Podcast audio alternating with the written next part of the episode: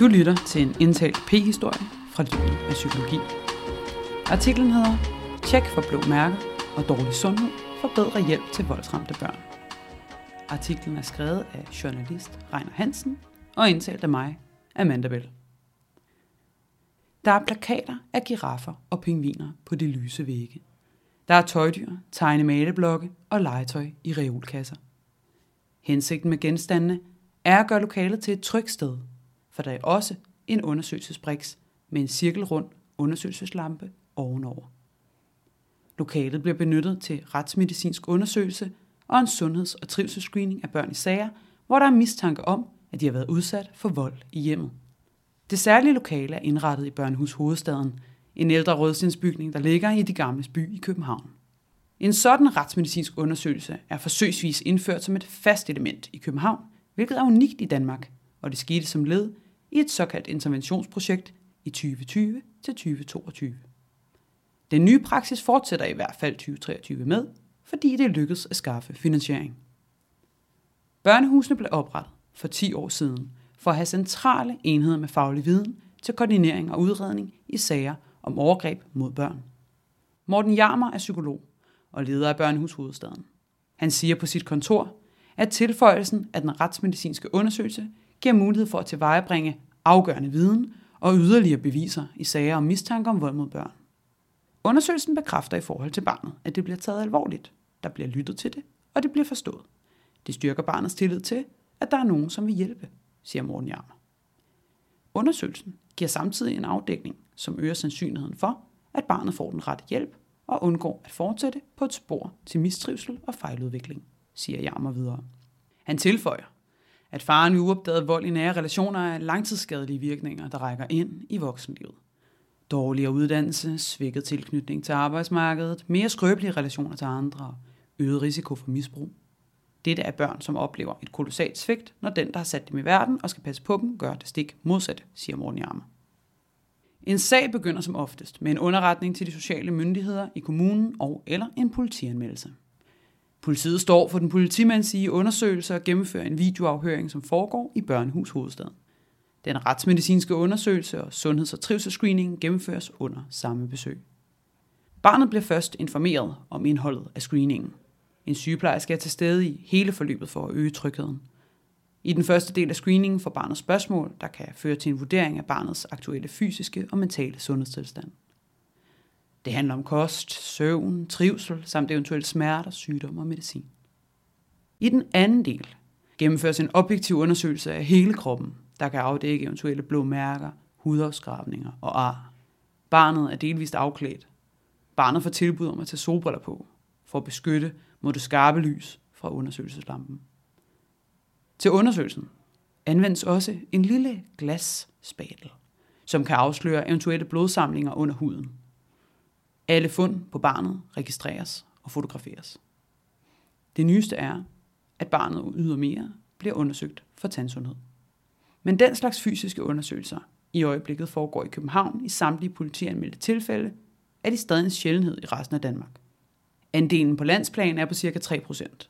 Det viser årlige opgørelser fra børnehusene i Danmark. Fysiske undersøgelser er nemlig ikke lovpligtige.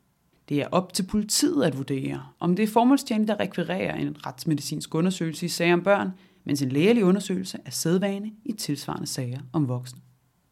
Interventionsprojektet har været et samarbejde mellem Børnehus Hovedstaden, Københavns Universitet og Københavns Politi. Projektet var finansieret af Offerfonden, og screeningen er siden videreført ved hjælp af yderligere forskningsmidler, fordi den fortsatte genstand for forskning på Københavns Universitet. Projektet omfattede over 200 børn mellem 4 og 15 år, og konklusionen er, at det ved hjælp af den retsmedicinske undersøgelse er muligt at dokumentere tegn på vold, der kan bidrage til bedre beslutninger i det videre arbejde med barnets sag. Hos mere end hvert fjerde barn var der fund af følger efter vold, der overstiger, hvad der er normalt for et barn i denne alder. Ligeledes var det mere end hvert fjerde barn, som viste sig at have behov for opfølgning om barnets fysiske og eller mentale sundhed. Det er en temmelig høj andel. Det havde vi ikke forventet, siger Jytte Banner, som er professor på Retsmedicinsk Institut på Københavns Universitet. Hun var en af lederne af interventionsprojektet. Den retsmedicinske læges undersøgelse kan være med til at bekræfte en formodning om, at et barn har været udsat for vold i hjemmet.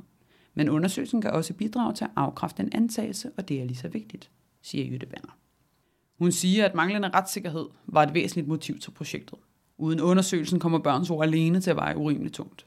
Og børn mangler sprog til at tale om emnet, som er følsomt, og de befinder sig i en loyalitetskonflikt i forhold til forældrene. Jytte Banner mener, at der er en manglende konsekvens, når voksne altid bliver undersøgt, mens børn kun sjældent bliver undersøgt.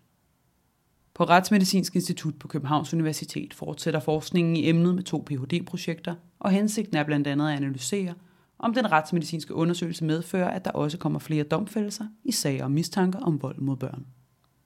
Maria Balsløv er syge- og sundhedsplejerske med ansættelse på Retsmedicinsk Institut på Københavns Universitet, og hun har stået for sundheds- og trivselsscreeningen. Hun forklarer, at sundheds- og trivselsscreening handler om opsporing af helbredsproblemer, som kræver opfølgning hos en læge. Således bidrager den retsmedicinske undersøgelse til en vurdering af sundhed og trivsel ud over den strafferetlige vurdering, siger Marie Balsløv. Det videre forløb med hensyn til barnet planlægges i et efterfølgende samråd med alle faglige aktører. Børnehuset har en særlig opgave med at foretage psykologisk udredning og der vil bistå de sociale myndigheder. Vi undersøger graden af traumatisering. Vi skal finde ud af, hvilke indsatser, der skal til for at hjælpe barnet, siger Morten Jammer. Det afsluttende notat laves i samarbejde mellem psykologer og socialrådgivere, hvor sidstnævnte afdækker barnets sociale netværk, oplyser han. Interventionsprojektet har været indsnævret til Københavns politikreds. Brian Belling er afdelingsleder i efterforskningsenheden i Københavns politi, og ligesom Jytte Banner er han overrasket over det store andel af børn med skader fra vold.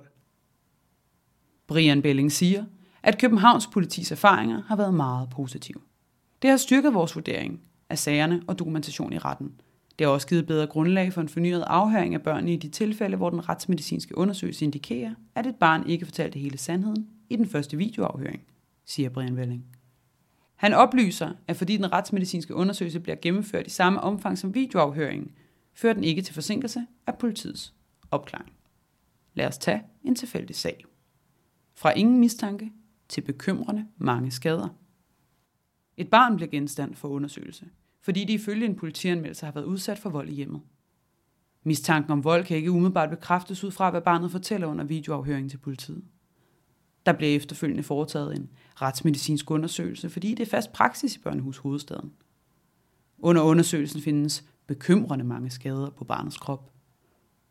Den foreløbige konklusion til politiet er, at skaderne langt overstiger det forventelige for barnets alder. Flere af skaderne vurderes at kunne relateres til den voldshændelse, som er beskrevet i politianmeldelsen. Politiet vælger, på baggrund af fund fra den retsmedicinske undersøgelse, at bringe sagen videre i det strafferetslige system. Hvilket næppe ville være sket uden screening. Interventionsprojektet opnåede en tredje plads ved uddelingen af den årlige europæiske kriminalpræventive pris, kaldet ECPA i 2022, og Brian Belling var i Prag til prisoverrækkelsen på vegne af projektet. Forud for interventionsprojektet var der hos flere en bekymring for, at den retsmedicinske undersøgelse ville blive en voldsom oplevelse for barnet, måske næsten et nyt overgreb. Derfor blev det et særligt aspekt i projektet at undersøge de screenede børns reaktioner. Over to tredjedele betegnede en smiley-vurdering oplevelsen med den retsmedicinske undersøgelse som meget godt eller godt. Samme mønster viste sig i kvalitative interviews med tilfældigt udsnit af børnene. En anden bekymring galt, om forældrene ville give samtykke til den retsmedicinske undersøgelse. Bekymringen skyldes, at mindst en af forældrene ofte kan være mistænkt for at have udøvet volden mod barnet. Men kun hver 20. af de planlagte undersøgelser blev forhindret af manglende samtykke. Morten Jarmer håber, at en fast praksis med en retsmedicinsk undersøgelse herunder en sundheds- og trivselsscreening bliver permanent.